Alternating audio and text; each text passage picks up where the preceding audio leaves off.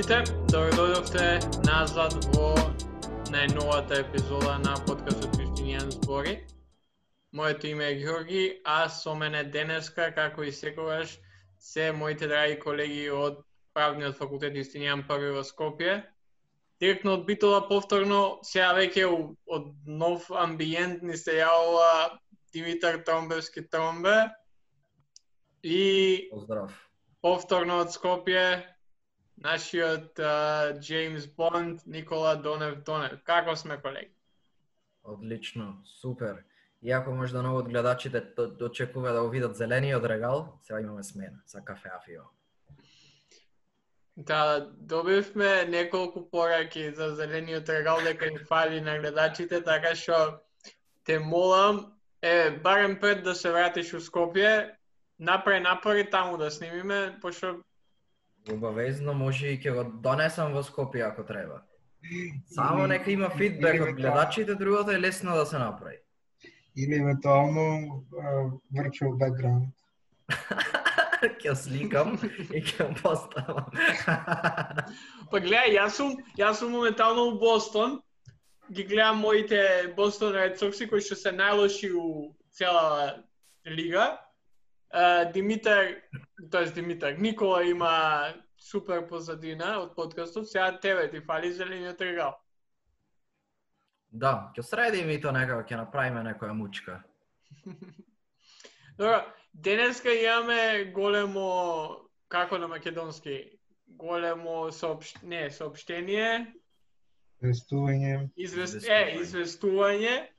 А, ќе збориме, тоест ќе дадеме апдейт и ќе ќе збориме за што се што се нај, најновите новости за трите теми за кои што последно зборавме. Ќе ќе поми бидејќи денес кај да се погоди за седа седа добиеме нови е, вести како за како за образованието, така за најновата е, влада во државата да. и мислам дека може да завршиме да завршиме епизодата со она што се случи минатата недела, тоест е, изборот на Камала Херис за подпредседателски кандидат на е, демократија и running mate на Џо Бајден. Кој сака да ја соопшти веста за Еве, за да ја започнеме епизодата со тоа. Еде, почна ти пуцај. Зна, добро се, ајде, да не биде само ја да зборам нонстоп, затоа ми е. Добро, ајде. Иначе да, како што начна и Джоли, имаме една многу јака нова вест. Имаме нов co-host на на подкастот Јустинијан збори, односно co-host Кица. Тој ќе види Катерина Иванова, наша драга колешка од правниот факултет и најверојатно, да не речем 100%, од следната среда ќе не видите заедно кај што ќе збораме за некоја интересна тема. Да, да, баш сега пред снимање договоривме сите детали, подпишавме договор, милионски, милионски договор со Кате. Да, ама ја ја ептен се радувам дека ќе внесеме некоја нова перспектива у подкастот. Ќе ние веќе колку еве 4,5 месеци снимаме. Баш убаво би ни дошло мал некоја нова свежа крв. Мислам дека Кате е супер супер а, говорник, супер студент на правниот факултет, а и до сега два пати мислам ни, ни беше гостинга, кај што и двете епизоди беа супер, може да ги прегледате. Едната Мислам дека беше меѓу првите кога зборевме за феминизам со неа и со Наталија, а после и дојде како член на факултетското студентско собрание а, да збориме за ФСС на правниот факултет, така што еве, сега имате време додека да снимиме епизодата за смената нела со неа, да ги проверите и двете. А, тоа, очекувајте нови интересни а, епизоди од нас со неа и плюс а, со гости кои што ќе ги имаме. Ова епизода нема да имаме гости, ова епизода ги сидеме сами, одамна не сме снимале цела епизода сами. Најчесто или само интрото го снимаме или а, или одделно која која кој е слободен за за интервјуа. Но ај прво да започнеме со училиштата, тоест најсвежо нешто што правевме, што правевме емисија н- еве, у неделава со Ана Попризова, психолог во Скопската гимназија Орца Николов и Лука Павикик, член на Средношколскиот сојуз. Имено денеска, тоест вторник, а, или вчера, ако бидејќи ќе слушате епизодата утре во, во среда, излегува на пресконференција Венко Филипчи и Адеми, каде што е, рекоа дека наставата во основните и и средните училишта ќе продолжи онлайн, а исклучоци ќе има само кај децата од прво до трето одделение и училиштата со мал број деца по паралел. Наставата може да се одложи и по 1 септември. А, да, значи, ова е првичното, као што беше и најавено, мислам од прво до трето нема да се иде. Е сега, не е дека не мора, као мора да биде во живот туку, а, и за тие ќе биде онлайн, освен ако родителите не побараат да биде во живо, или се согласат да биде во живо, и а, може да биде во живо ако општините побараат. Што што мислите вие за ваквата одлука на МОНИ на владата? Начелно интересно тоа дека му дават слобода на општините и на родителите да одлучат, затоа што не може едно генерално генерална таква одлука за сите училишта да се дај според моје мислење, пошто не во сите општини е ист проблемот.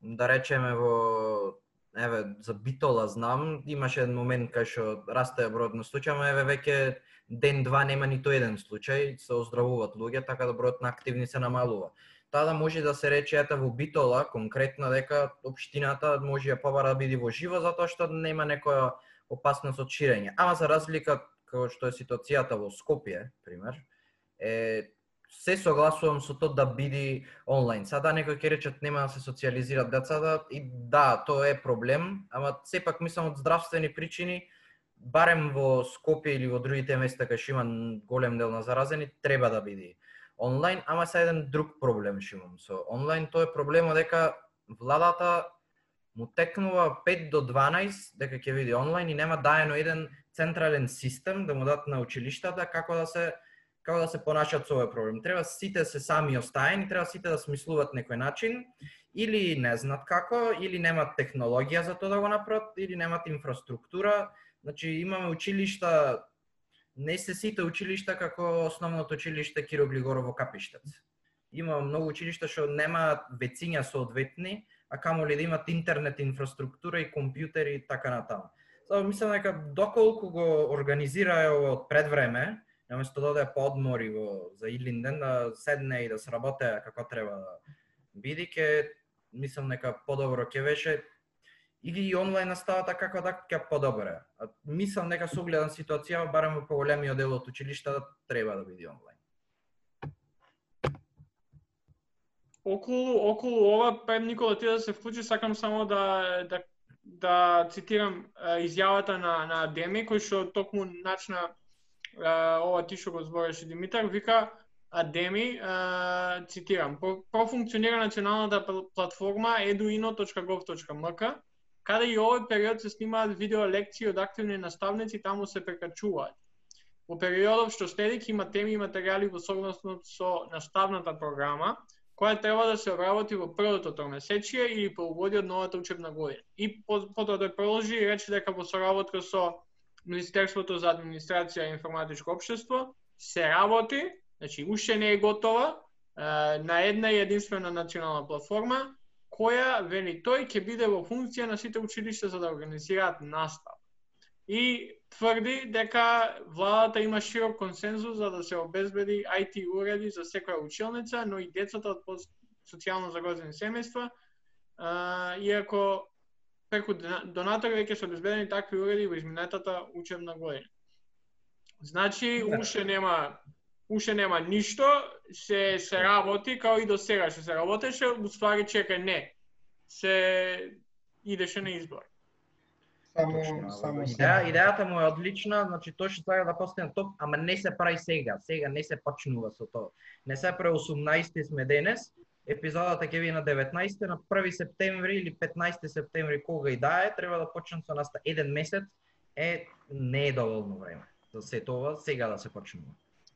Мо, мо, може би одлуката општените, иако, иако мислам дека треба да се сведе на ниво на училиште, дали ќе дали ќе отпочне настава во живо или не, пак е пак е проблематично затоа што најголем дел од училиштата немат едноставно немат инфраструктура за да за да преминат било каква национална мрежа за онлайн далечинско учење, затоа што едноставно немат пристап до интернет. Али, а, али мислам дека е окей тоа што дозволиле на а, наместо да се оде на на all-in-one решение за, за, за цела држава, што дозволиле на општините да се мислам првично да се консултираат со училиштата и после да одлучат. Да, тоа мислам дека баш за тоа зборевме минатата епизода, кај што не можеш да идеш или ќе идеме сите онлайн или ќе идеме сите во живо и, и тоа го е, поздравувам одлуката на на Мони на на владата. Е, значи од тоа што го изјави и две и, и Филипче и Адеми рекоа дека доколку не знам школа школото или е, општината, тоа регионалното училиште, има мал број на оделенија, на деца во оделенија или мал број на класови во училиштата, може да добијат дозвола на ставата да ја реализираат за физичко присуство и мислам дека мислам дека тоа е она кое што ќе ги задоволи двете страни, кај што спомна ти Никол, е, Димитар, као у Скопје тешко дека ќе има онлайн е, уживо настава. Бидејќи ситуацијата е таква да најголемиот број на заболени од, од COVID се тука. Ама, например, еве, у, у моево село Зубово нема ниту еден случај. И сега зошто децата и у ново село, мислам, као општина, еден случај имаше на почетокот, сега веќе мислам дека нема воопшто. Зошто, например, децата од, од општина Ново село да не може да идат на, на училиште. А, така што мислам дека добра одлука. Во однос на протоколите исто а, имаат uh, излева се изјава дека училницата не треба да има повеќе од 20 деца, треба да седат на 1,5 метар дистанца, да носат маски. Тоа малце потешко со деца, поготово од помалите е, помалите класови, тоа ќе биде интересно како само ќе функционира и наставниците ќе имаат тешка задача со тоа. Е, да, почетокот на различ, на различни одделенија биде со разлика од 10 минути. И и Тоа мислам. Да, наставникот, наставничката да бидат цело време присутни со нив и да не избегуваат за време на одмори. Е... Мислам, изјавите се генерално супер, не сме научени да слушаме и розови изјави, амбициозни, да, профетек изјави, али доколку не сте работи, едноставно џабе. Тоа е, тоа ќе тоа е битното. Као теорија сега за сега е супер. Ама ќе видиме што што ќе ќе се деси во пракса. Инаку да, као што спомнавме минатата епизода и сега малце и Димитар ти потенцираше тоа. Настаната година нема шанси да започне на 1 септември. Бидејќи за сиве овие измени, да, стапат на сила, треба да поминува во собранието, а како што знаеме, собранието уште не е функционално, влада уште немаме, така што ќе се чека ќе се чека да се изгласа у собрание и да да се стап, да стапи во сила да стапат во сила овие измени, што мислам дека е одличен вовед во нашата втора тема за денеска. Малце побрзо идеме со со темите. Заев и Ахмети постигнаа договор. Е сега, пред да, пред да почнеме да збориме за Заев и Ахмет, ја би го прашал Никола да ни даде објаснување, бидејќи ја одлучив од која заврши изборите, бейсболот ми почна, американската политика е доста интересна, одлучив да не, да не пратам уопште што се дешава кај нас. А, и сега сум малце збунет кога слушам дебата за конституирање на собранието може Никола да ни објасни што поточно се случува за после да преминеме и за договорот кој Заев и Ахмети го постигна денес. Да, значи генерално кога кога имаме избори парламентарни, излаваме, гласаме, гласаме за претеници, а, се се убаво, демократски, а, нели според извештаите, демократски фер, бла бла бла. Но но проблемот сега настанува и ова е особено изразена дебата во академската фела, посебно кај нас на правниот факултет, во, во однос на прашањето дали, дали воопшто собранието е конституирано без извор за на, на председател на собранието. А, технички процедурата а, моментот на конституирање на собранието е моментот кога председател на собранието или оној кој што ја пред оној кој што председава со конститутивната седница испраќа писмо до председател на државата, во овој случај Стево Пендаровски, и од тогаш почнува да, те, да тече рок од три дена во кој што тој како председател на државата треба да го предаде мандатот на оној а, на оној а, лидер на на партија или на коалиција од партии кој што има мнозинство во парламентот, во овој случај 61. Дебатата сега е, бидејќи Тало Джафери како а, како поранешен председател, нели тој ја свикува конститутивната седница, а, и не е избран председател на собранието се уште, но се но има верификација на мандати. Е сега прашањето е дали со верификација на две третини на мандатите е конституирано собранието и како тако тоа може да функционира. А, реалноста е, мислам дека ова, за ова збореше и професорката Дескоска во нејзин Facebook статус, а тоа е дека деловнико е направен решето со изменето од 2008, каде што не се гледа точно, точното разликување и има некои правни небулози кои што нормално ние ги дознаваме во последен момент. Никој не мисли про футуру, сите сите мислат за сега така што останува дебатата, мислам, писмото е испратено, технички е конституирано, може би е добро и уставниот суд да се произнесе за ова, може би, не, не знам, но реалноста е дека течат а, деновите за формирање влада и според последната вест е дека дека имаме дека има коалиција со а, помеѓу Заев и Али Ахмети од СДСМ и, и Дури. Е сега прашање, другото прашање кое што се поставува е истото на прашање од 2017 кога кога тогашниот председател Иванов требаше да го даде а, мандатот за формирање влада на на Никола Груевски или на Зоран Заев и тогаш настана дебатата нели дали треба да го даде, затоа што прилично беше мала разликата во мандатите. А, и, но јас тоа на дека наистина оној став како и професор Шкарич, тие 20 дена за формирање на влада од како е даден мандатот не е за преговарање коалиции, туку самиот самиот потенцијален мандатар кога оди да го зима мандатот за формирање влада, тој треба веќе за себе да ги има 61 пратеник. Така што на, на малку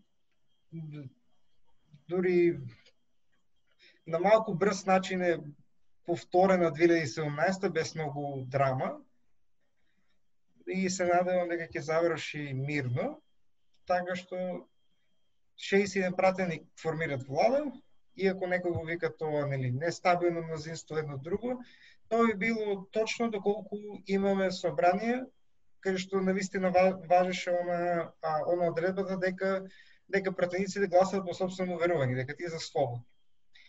Реалноста е, ние а, има глабоко партиска лојалност, глабока партиска а, подвоеност во собранието, така што 61 пратеници е сосема доволно на една влада да, да се функционира 4 години, што нормално кај нас нема да биде 4, бидејќи секако ќе ќе излезе нешто. Јас не се сеќавам кога последниот пат кога сме имале редовни парламентарни избори без оно, она вонредни. 2006 Кога? Да, 2006. 2006. Е, е сега најновата вест, а, не знам Георги дали си слушнал, а тоа е, Ајде. Нели, и покрај, а, чекай сам, Може и пред да кажеш за мандатот нешто за Пендаровски, ја спомнам. ајде може. А, пред да продолжиш Никола да спомнам за мандатот и да споредбата со 2017 а, работата беше дека до 2017 немаше некои така тесни избори за давањето на мандатот да биде ставен под прашање и си продолжи таа традиција на давање автоматски на мандатот на тој што има најмногу гласови без при тоа да има 61 пратеник. Е сега што се случи, мислам дека малце поднаучи од лекцијата од 2017 зашто да добро запазив што кажа Пендаровски. Пендаровски кажа дека Заев ме увери дека има 61.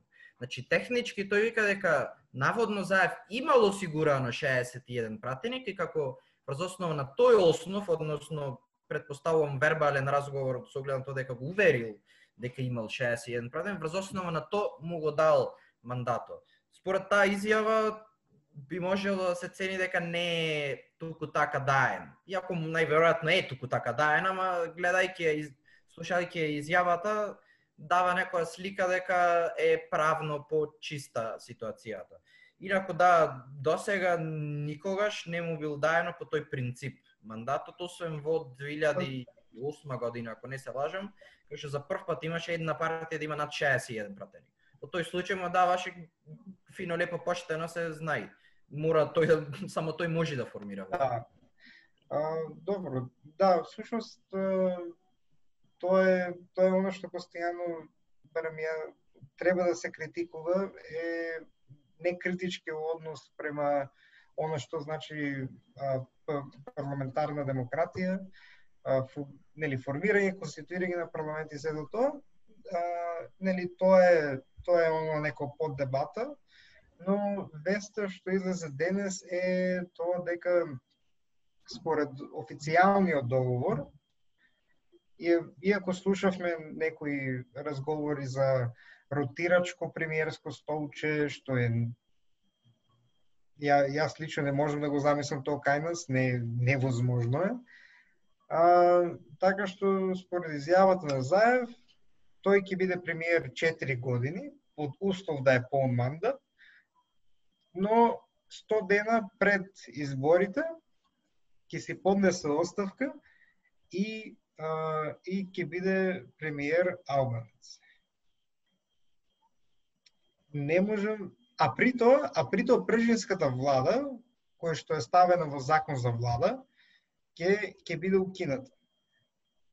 А, генерално пржинската влада произлезе од потребата после кризата во 2015-16 кога почна а, кога почна со активноста а, на обелоденување на, на бомбите, на снимените разговори и нели одовде почна оно домино ефектот кај што стигнавме до 27 април и така натаму и така натаму.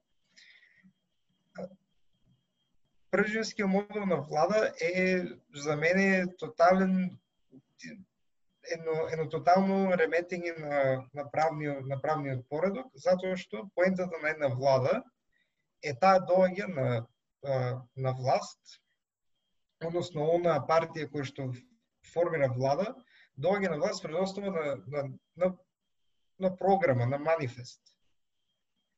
И поентата на мандатот е таа та влада да го исполни тој да исполни таа програма, односно она што ветил. Е сега 100 дена пред изборите се случува тотално крахирање на таа влада со оставка на премиерот, затоа што ставката на премиерот значи и оставка на целата влада. И истото тоа парламентарно мнозинство во суштина, кој што ја избрала владата која што а, премиерот си поднесе оставка, а оставка на премиер не е току така една работа, тоа е сериозна а, тоа е сериозен политички и правен маневар каде што е премиер си дава оставка заради една работа. И односно две, кога му изгласана недоверба на во собрание или кога чувствува дека нема доверба во собранијското мнозинство и автоматски се нолифицира легитимитетот на владата и поинта да се оде на избори. Е, сега во таа пржинска влада, така наречена, влегуваат сите. Влегува опозицијата, своји министри, своји заменици, дополнителни министри, што и да е тоа. А, и едноставно, а, односно врвот на Министерството се дува уште како еден голем балон. Нормално тоа сето тоа кошта, а, тоа се пари на граѓаните. И 100 дена така нормално ефектот го видовме, затоа што во тие 100 дена на техничка влада, која што по правило не е овластена за ништо друго, освен да делува технички за потребите на изборите, се затекна во се затекна во, во случај на светска пандемија. Е сега спазите го момент. распушено собрание, техничка влада која што нема целосен легитимитет за за владење, само освен за, за избори, светска пандемија.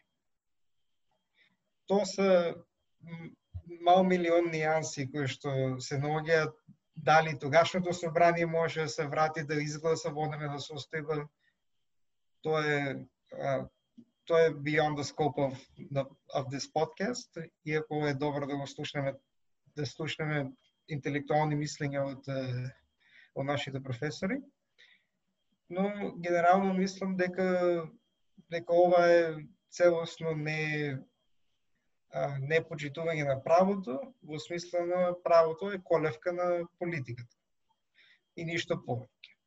И и токму тоа е проблемот на на нашата држава, каде што некритичкото осврнување на правото и користењето за политички цели на крајот доведуван, доведуваме до ситуација 30 години буквално да изиграваме како на импромту представа.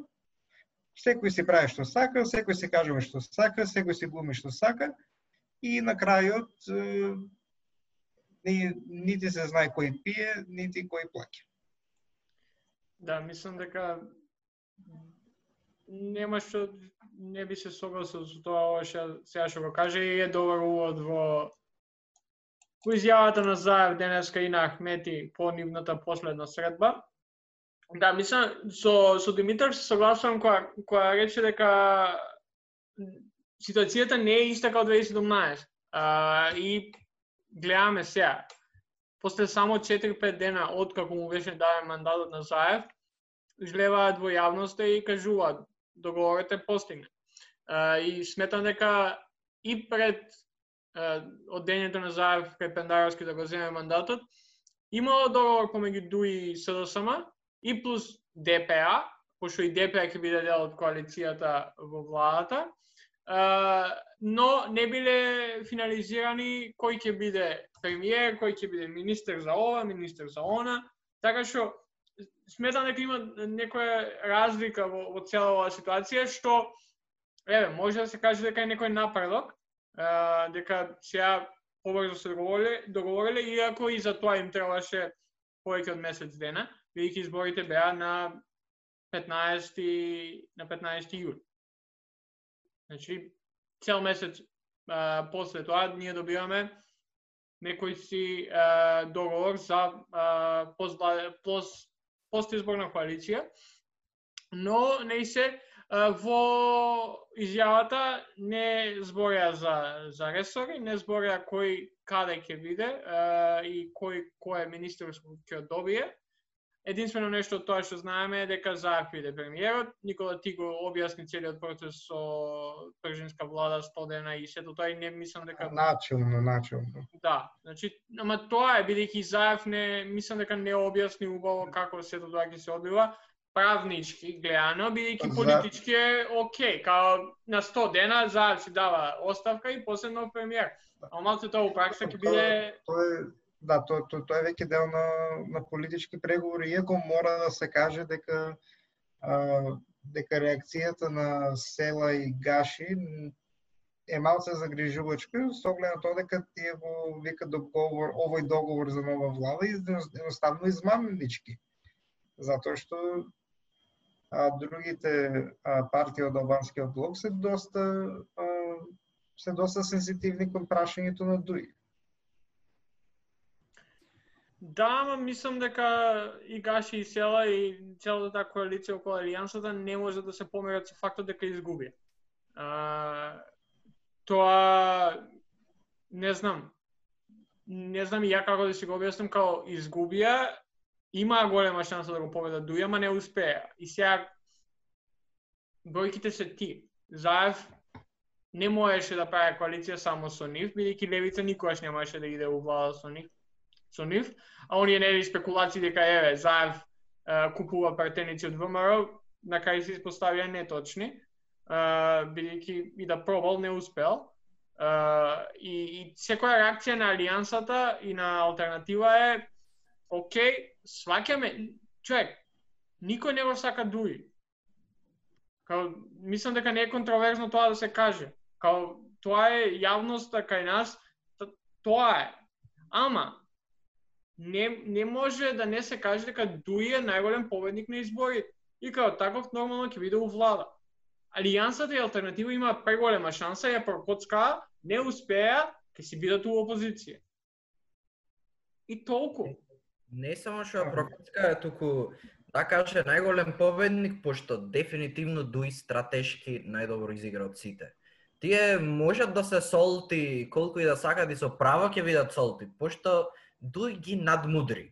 Успеа Дуј од колку беа 9-10 пратеници имаја предходните избори до сега да имат 15-16 колку и да имат не знам, апсолутно небитно, голем скок на пратеници, а сепак не ги сака народот. Нити албанците, нити македонците, никој не ги сака и упорно добиват избори пошто стратешки знаат како да изиграт, да разбират политиката како функционира. Али Ахмети е македонскиот Мич Меконел.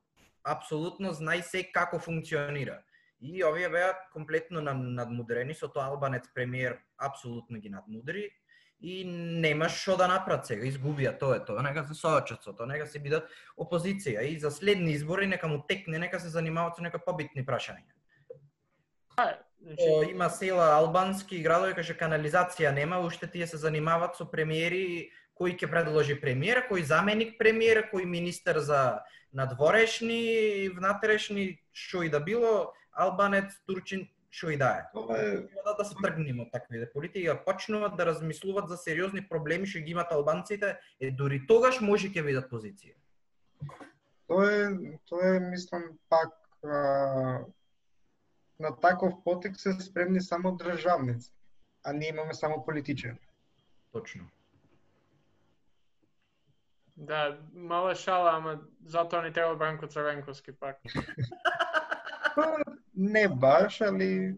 Не, не, не, не, не, не е ова као сериозно, само пошто нели песната е целата кампања на Бранко беше државник дека и затоа председател треба да стане и стане.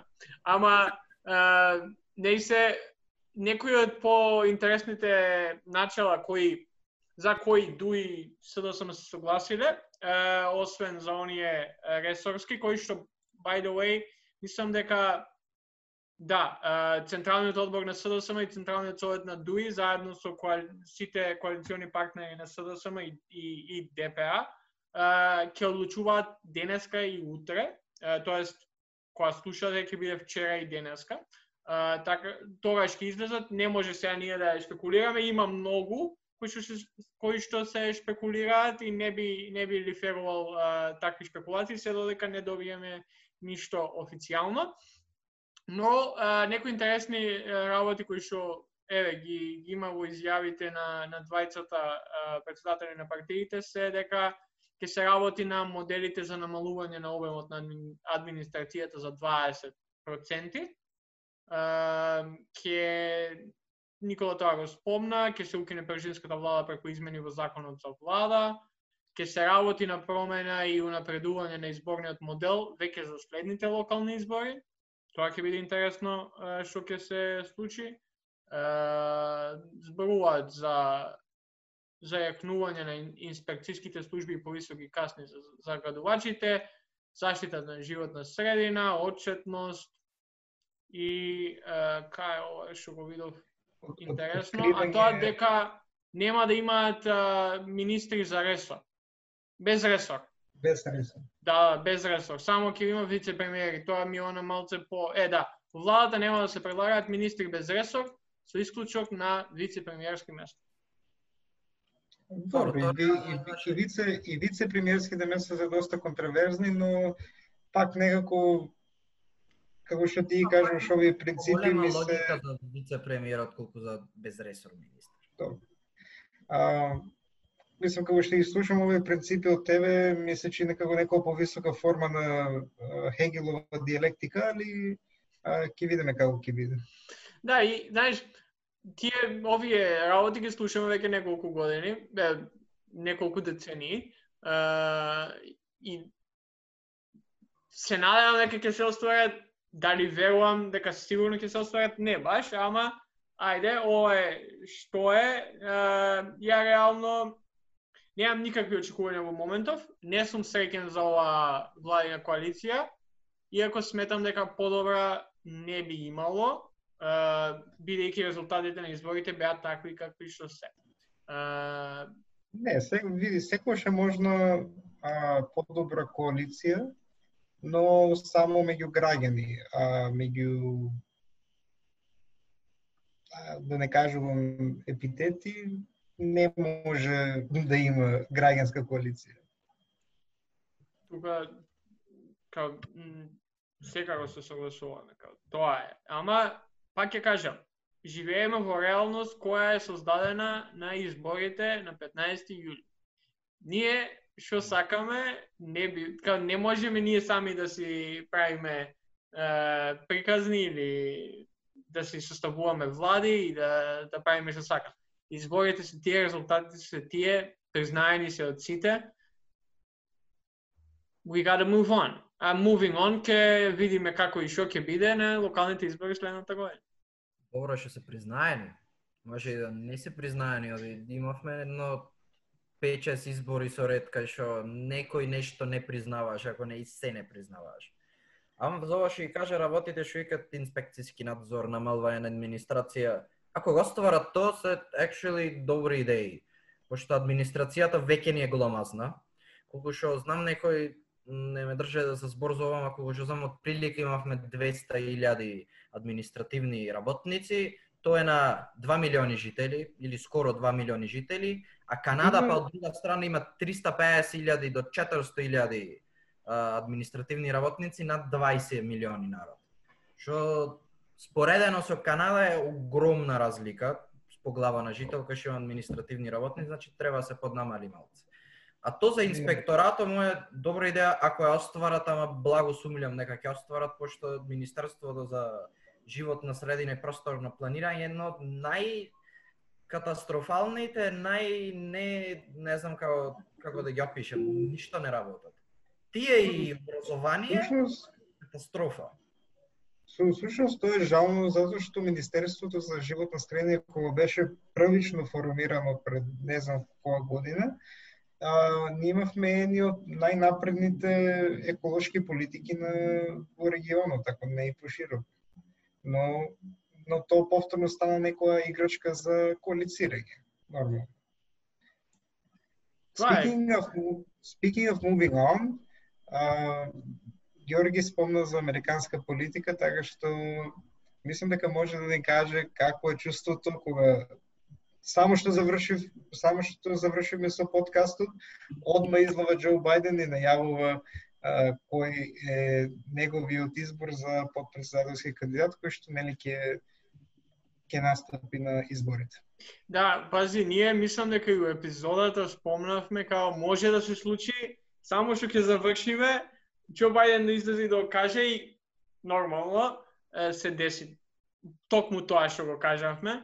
Uh, гледај, зборавме ние, као, се што кажавме во епизодата важи. Uh, најголем, кога зборавме поготово за подпредседателски кандидати, рековме, и најголем дел посветивме на, на Камала Херис. Таа беше првиот пик, таа е реално решението кое е најочекувано, као не знам, ја ја лично не можам, као уште толку не можам да ја поднесам сега веќе е, ситуација и кампања на Џо Бајден, бидејќи едноставно Камала Херис ти е некој кој што не дава ништо а, на, за прогресивното крило на, на партијата или на, у Америка и, и нема многу да промени. Поготово нема да, да го промени мислењето на, не знам, Карл Колински или на, на, на луѓе како него кои што и пред таа да биде избрана, не би гласале за Џо Бајден, иако се подржувачи на Берни Сендерс. И иако Берни Сендерс со цел цел негов а, а, со со иако Берни Сендерс го поддржува Џо Бајден и а, и иде у кампања за него.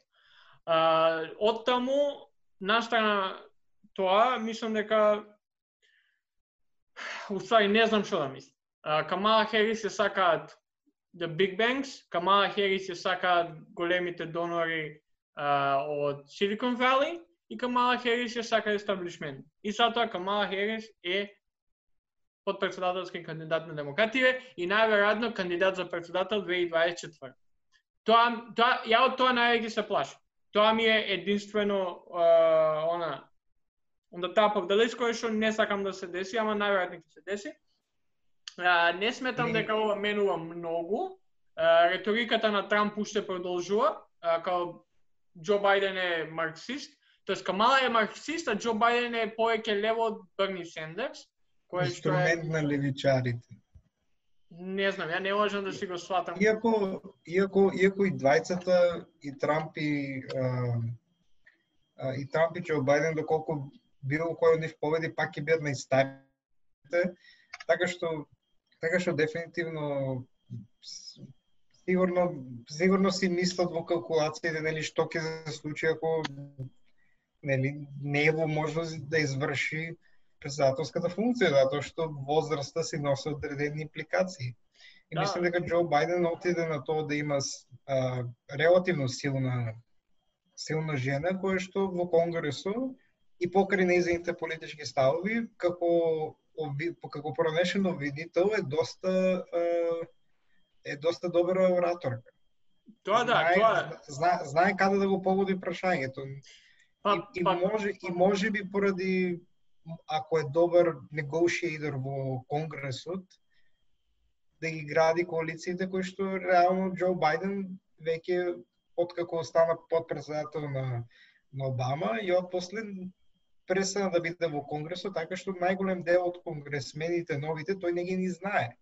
И, но, и многу е потешко да да работи на градени коалиции кога не ги знае, затоа што а, нели таа внатрешна политика во Конгресот се гради врз основа на лични познавања и на буквално на дилови. Да, да, не, кажавме, извини имат пред да ти да идеш, кажав му епизодата, као единствено нешто кое што ја едва и чекам, се дебативе на Херис и на Майк Пенс. Тоа ќе биде, значи буквално мислам може ние да направиме и watch party ако сакате. Попкорн зијаме, пуканки, зијаме кола идеме лайв стрим и гледаме дебата. Тоа ќе биде уживанција да се гледа како Камала Херис ќе го ќе го утепа Майк Пенс од сите страни. Е сега, мора да се каже дека и Доналд Трамп ќе го утепа на Џо Бајден, така што ќе бидат equal. Тоа ќе биде интересно да се Да. гледа. тоа е, тоа е. И, о- освен освен ако не дојде до голема пресврдица и Трамп ќе избере Сера Пейлен за подпредседател. па чекај, републиканската Така, конвенција нешто уште се нема десено. Уште се нема десено. Уште се нема. Иначе за Камала Херис и за незините способности, то мислам дека се свесни демократите и упорно го рекламираат тоа, пошто самиот момент што ја избра Камала Херис, одма почна демократска пропагандна машинерија со канали како Now This или не знам други, објавуваат видеа за тоа колку е способна Камала Херис да поставува тешки прашања на банкар или не знам на кој, а тие после прашања да што си пијат кафе за за да тоа е друга приказна. Ама да, како јавен обвинител е стварно многу способна во поглед на тоа да прашува добри прашања.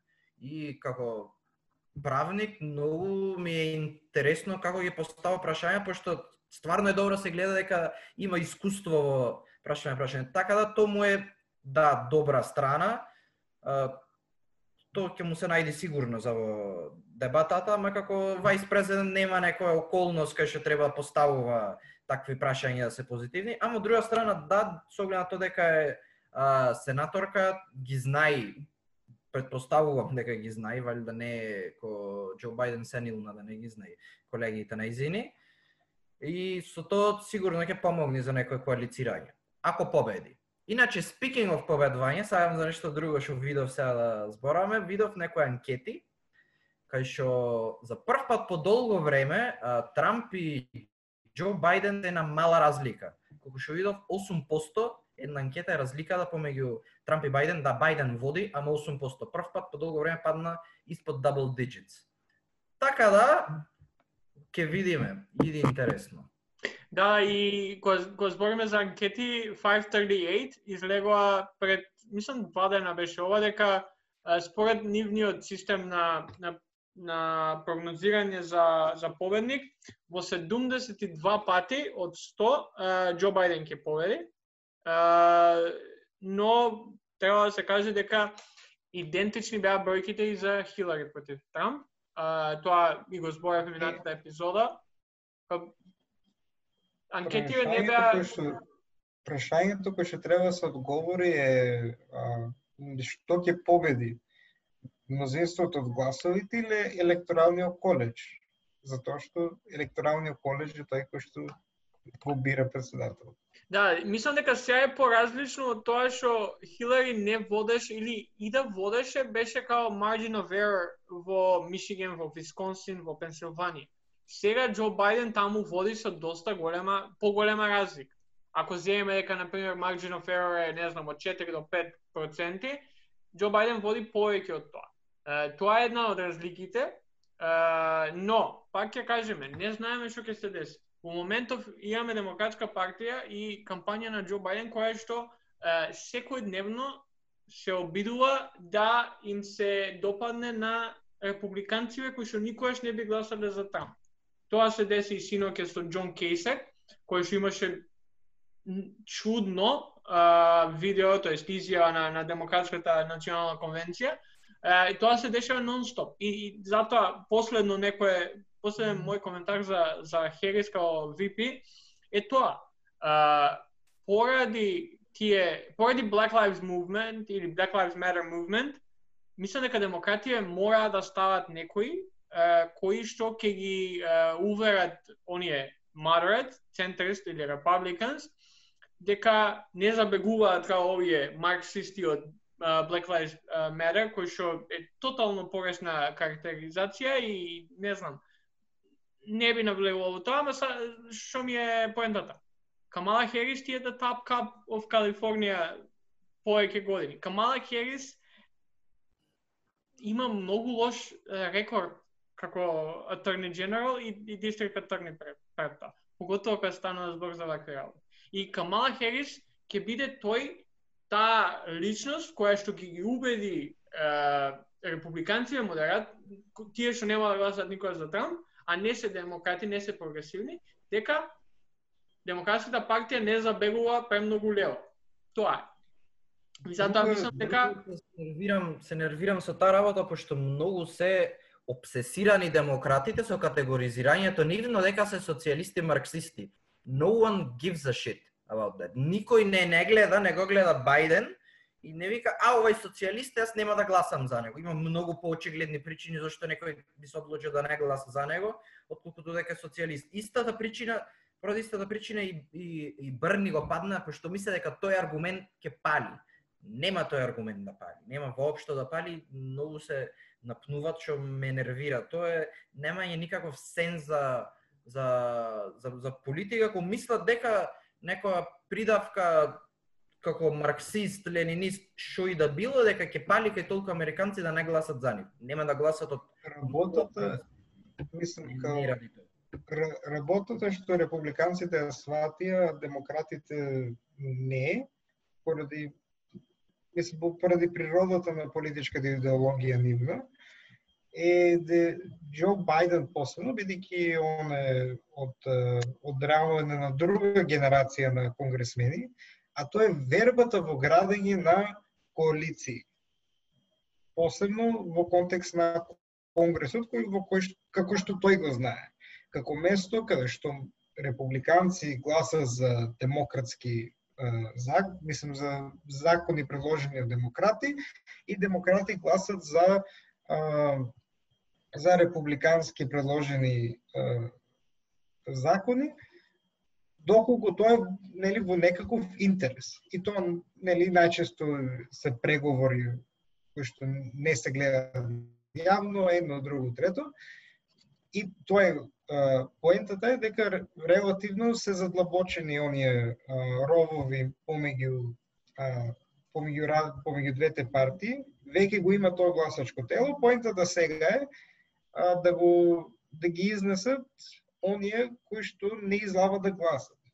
А таа бројка од реално од некаде таму крајот на Втората светска војна до денес се намалува.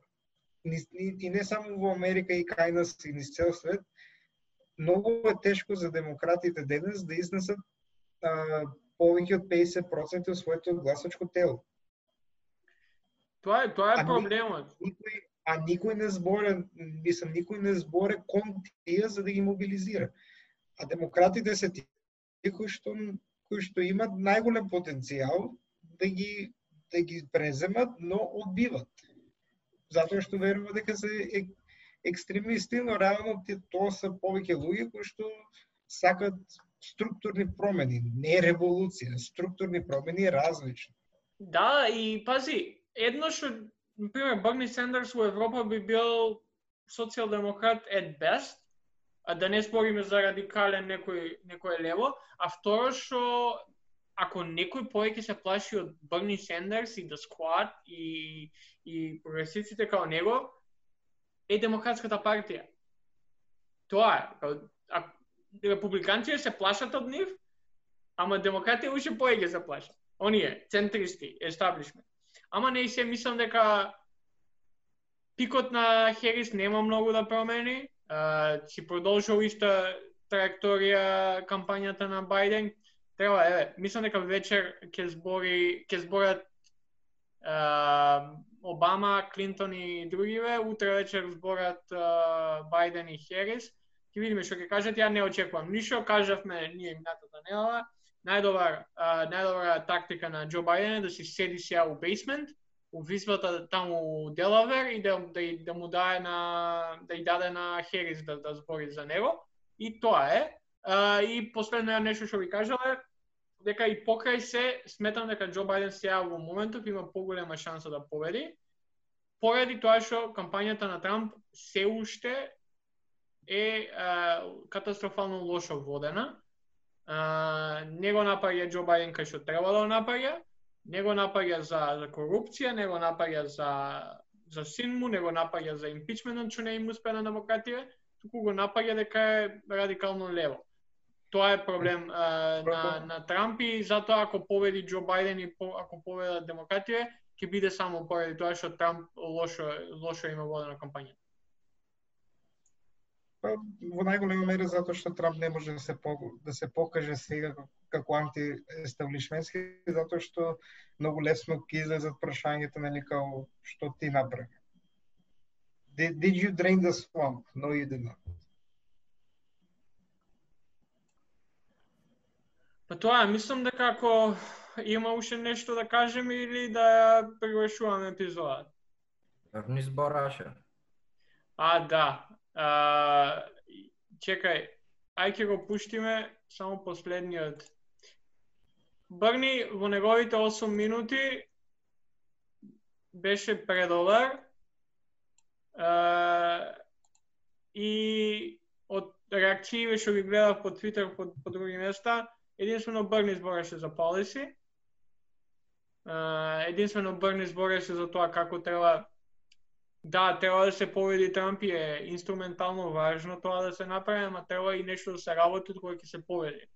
И затоа и пред овој говор, а, изјавата пред два дена, мислам дека му беше дека ќе направиме се да победиме Трамп, а после кога Џо Бајден ќе стане председател, ќе направиме се Џо Бајден да го однесеме повеќе лево. И мислам дека тоа со тоа се согласувам, не ми се свија ситуациите, не ми се свија тоа што Берни нема да добие шанса да биде председател и да направи нешто стварно meaningful uh, во US, иако негови, неговиот легаси ќе биде ненормално добар. AOC, uh, Рашида Таиб, Илхан Омар, uh, Алиса Пресли, сега ги имаме Джамал Боуман, Кори Буш, Кори Буш кој што by the way излезе и каже дека нема да гласи за демократската платформа, таа и Рокана, феноменално феноменален почеток на на нејзината кариера у Конгресот. А, и едва тоа тоа е, као down down ballot races ќе бидат оние кои што ќе ми бидат интересни у ноември. А, но ај последните неколку а, да го слушнеме да, да слушнеме Бърни, може да го најдете на YouTube, на Twitter, на секаде го има. Uh, ама крајот Science, he has put our lives and health in jeopardy. Trump has attacked doctors and scientists trying to protect us from the pandemic while refusing to take strong action to produce the masks, gowns, and gloves our healthcare workers desperately need. Nero fiddled while Rome burned. Trump golfs. His actions fanned this pandemic, resulting in over 170,000 deaths and a nation still unprepared to protect its people. Тоа е, Барни, а, тоа е, не знам, ја, не знам што па ќе кажа. Ако почнеме да збораме да завршиме, ма и вака барем малце на sad note да завршиме, на soft sad note. Да, Nero, Nero, Nero fiddled while Rome burned. Trump goals. Мислам дека тоа е, тоа се се кажува. За, за жал, за жал тоа ќе произведе ехо низ целата деценија.